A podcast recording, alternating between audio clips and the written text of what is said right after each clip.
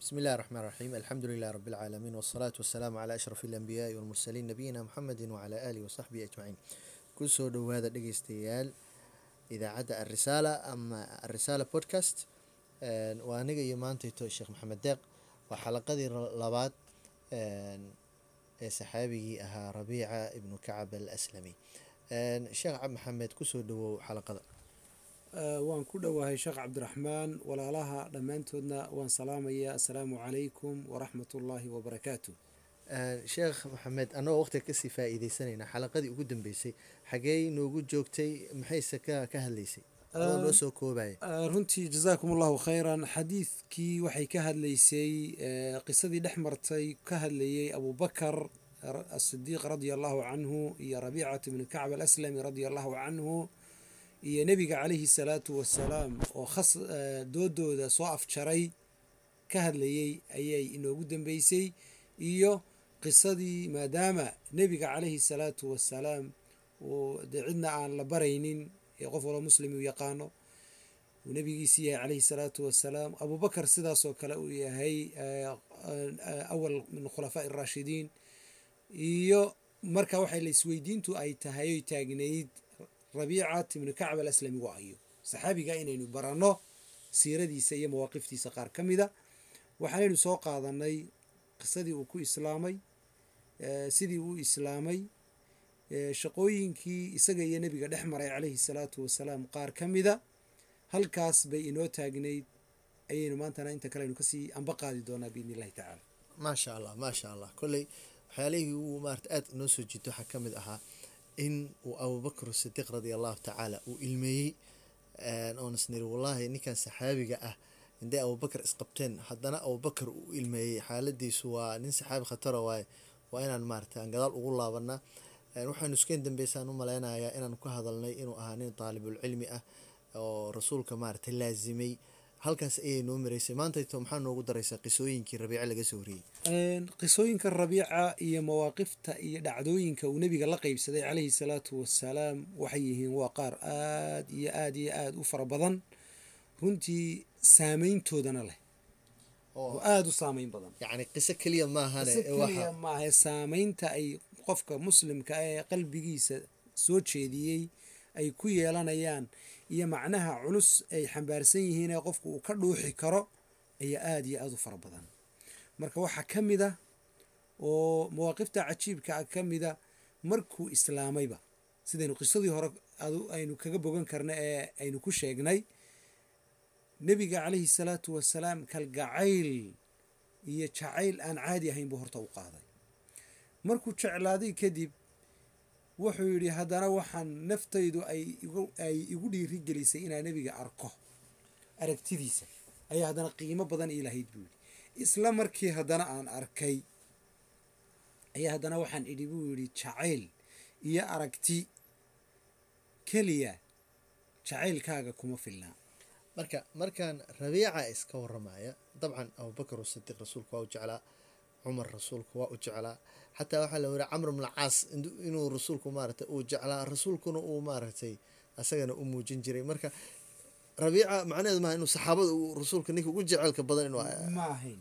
Ninka ugu jeceyl oo keliya ma ahayn laakiin jacaylkiisa isagu wuxuu ku xidhayo uu yidhi inkastoo saxaabaduba ku xidheen dhammaantood jacayl aan lahayn camal asaga marka asaga marka iska hadlaaya rabiica. Jaceylkiisa ayuu rabaa in miisaan saaro. bandhigayaba. Ma af joogo looma adeege wixii uu isagu inoo soo bandhigaye taariikh ahaye uu inooga tegey ee uu rasuulka la qeybsadayba ayaynu inagu hadda akhriyayno aynu tarjumaynaa maaha waxaynu inagu samaynayno aynu ku dul samaynayna maaha. Marka wuxuu leeyahay yani rabiica rasuulka sal lay slam waa jeclaaday laakiin jacayl aan action wadan marka wuxuu yidhi waxaan naftayda ku aamini waayo oon ku dayn kari waayo jacayl aan action wadan oon ficil wadan oo camal aan wadanin loo qabanayo qofka aad jeceshahay. Cidda aad jeceshahay aad la wadaagtood la qaybsato aan lahayn jacayl maahabu ayuuna leeyahay. Jacaylku waa inuu kaa muuqdaa. Jacaylku waa inuu kaa muuqdaa oo ficilkaaga ka muuqdaa oo afcaashaada ka muuqdaa oo ajajweydkaaga ka muuqdaa oo noloshaada ka muuqdaa laakiin afka waan ku jecelahay oo keliya ma yanfac sheekh ma. Ah, wuxuu taraya ma laha. waa sheekada cilmi boodhari camal oo kale? Ha adigu guryaha ku nuuradaysa wey. Marka Yeah, sheekadu waxa jacayl aan aan action lahayn. Ma jecel maaha jacayl maaha marka wuxuu yidhi waa jacayl maxaan rabaa marka muxuu rasuulka u qabanaya? Marka isaga jacaylkiisa hadda action buu bedelay bedelay buu bedelay labada action laba tallaabuu qaaday marka. Ilaahayna subxaana wa tacaala marka uu ina farayo ay saxaabadu yidhaahdeen rasuulka ilaahay waanu jecelnahay waanu jecelnahay waanu jecelnahay ay ku soo celceliyeen. Ilaahay laftiisu jacaylka nebiga wuxuu ku xidhay ficil buu ku xidhay. Oo muxuu yidhi haddii aad jeceshihiin rasuulka qul in kuntum tuxibuuna allaha fattabicuunii waxaad ku tidhaahdaa nebi maxamedow haddii aad aniga i jeceshihiin isoo raaca raacitaan itibaac sunnadayda inaad dabaqdaan ood waxaan sameeyey samaysaan ood wixii aan la imin la timaadaan. Ma kaasaa wuxuu noqonayaa jacaylka xaqiiqiga. Marka laba lugood buu ku taagnaa. Aan kaa dhex gala sheekh cabdiraxmaanow jacaylka uu rabo inuu ficil u bedelo rabiica. Waa marka koobaade wuxuu rabay baahida nebiga calayhi salaatu wasalaam si daacadnima ku jirto inuu wuxuu baahida nebiga wuxuu u baahan yahay inuu qabto oo adeego. Waa kow oo markuu leeyahay baahida nebiga waxaan uu qaban jiray wuxuu leeyahay markaan rasuulka la socdo rasuulku isagoon ii baahnayn oon ii wicin oon ii yeedhin hortiisaan soo istaagi jiray buuhi marba xaggu u jeedsada maaha xagga kalean ka mari jiray buui si uu ii arko oo uu yidhaahdo rabiica waxaasaan u baahanahay waxaa iisoo qabo. Isagaa istusaya si uu u yidhaahdo rasuulku u dirto jacaylka uu qabo u fiirso yidhaahdo ma ii baahan tahay bimacnaa bay ka dhigan tahay actionkaas. Yani wuxuu ku raaxaysanayaa khidmada. Inuu rasuulku dirto. Inuu rasuulku u sheegto. Kaaga sii darane markuu rasuulku habeenkii gurigiisa u soo hoydo ee isna halkii uu seexan lahaa ee asxaabu sufada masaajidka iyo masaajidka daaradiisa inuu hurdo taga ay ahayd dhexda markuu marayuu soo laaban jiray dabeedna guriga nebiga albaabkiisuu seexan jiray ama fadhiisan jiray. Maxaa soo celiyey? Wuxuu iska dhaadhicin jiray ama caawa inta la hurdo nebigu wax u baahdaa darteed. Oo rasuulku iyadoo la hurdo bilow wax u baahdaa oo uu is yidhaahdaa war raggii kula socday awey horta hore waxaan jeclaana dhegeystayaasha qiimaha badan. Hal midna laftooda inay ogaadaan. Qofka inuu nebiga jeclaado waa waajib diiniya naftiisa xataa waa inuu ka jeclaadaa xadiiskii cumara. maya waa inuu naftiisa ka jeclaadaa waa inuu caruurtiisa ka jeclaadaa hadday gabarh tahay waa inay odaygeeda ka jeclaataa hadduu nin yahay waa inuu gabadhiisa ka jeclaadaa. Maaha macnihiisu? Marka jacaylka nebiga la jeclaanayo. Waa jacayl ka sarreeya waxaasoo dhan ka sarreeya weeye kaana waxaa ka sii sarreeya jacaylka qofku uu ilaahay jeclaanayo. Marka hadafka jacaylka ama maaragtay meesha ugu dambeysa haddii aan jeclaado maxaan helaa? Ilaa ninkan hadduu rasuulka jeclaado jacaylka labaad kaas wuxuu ahaa rukni koobaad anoo taadana u iman doona. Qeybta labaadna waxay ahayd diinta iyo sunnada iyo waxyiga rasuulka ku soo degaya inuusan cid kale marti uga noqonin. Iyadana wuu rabay oo jeclaa. Oo bimacnaa inuu nebiga si toosa wax walba oo ku soo dega aayadda ku soo degtay inuu nebiga ka barto sunnada uu nebigu ficil ahaan u samaynaya inuu nebiga ka barto tuu hadal ahaan u jeedinaya inuu nebiga ka barto dhaqankiisa inuu koobiyeeyo darteed baa keenayey lianna qofku qofka uu jecel yahay lianna almuxiba lilxabiibi mutaacu baa mutiicu. qofku qofka uu jecel yahay wuu u dhega nugul yahay sideedaba indhala-aana buu dabagelayaayo wax waloo ka yimaadaa waa calaa ra'si walcayn min cuyuuni baa taagan tahayba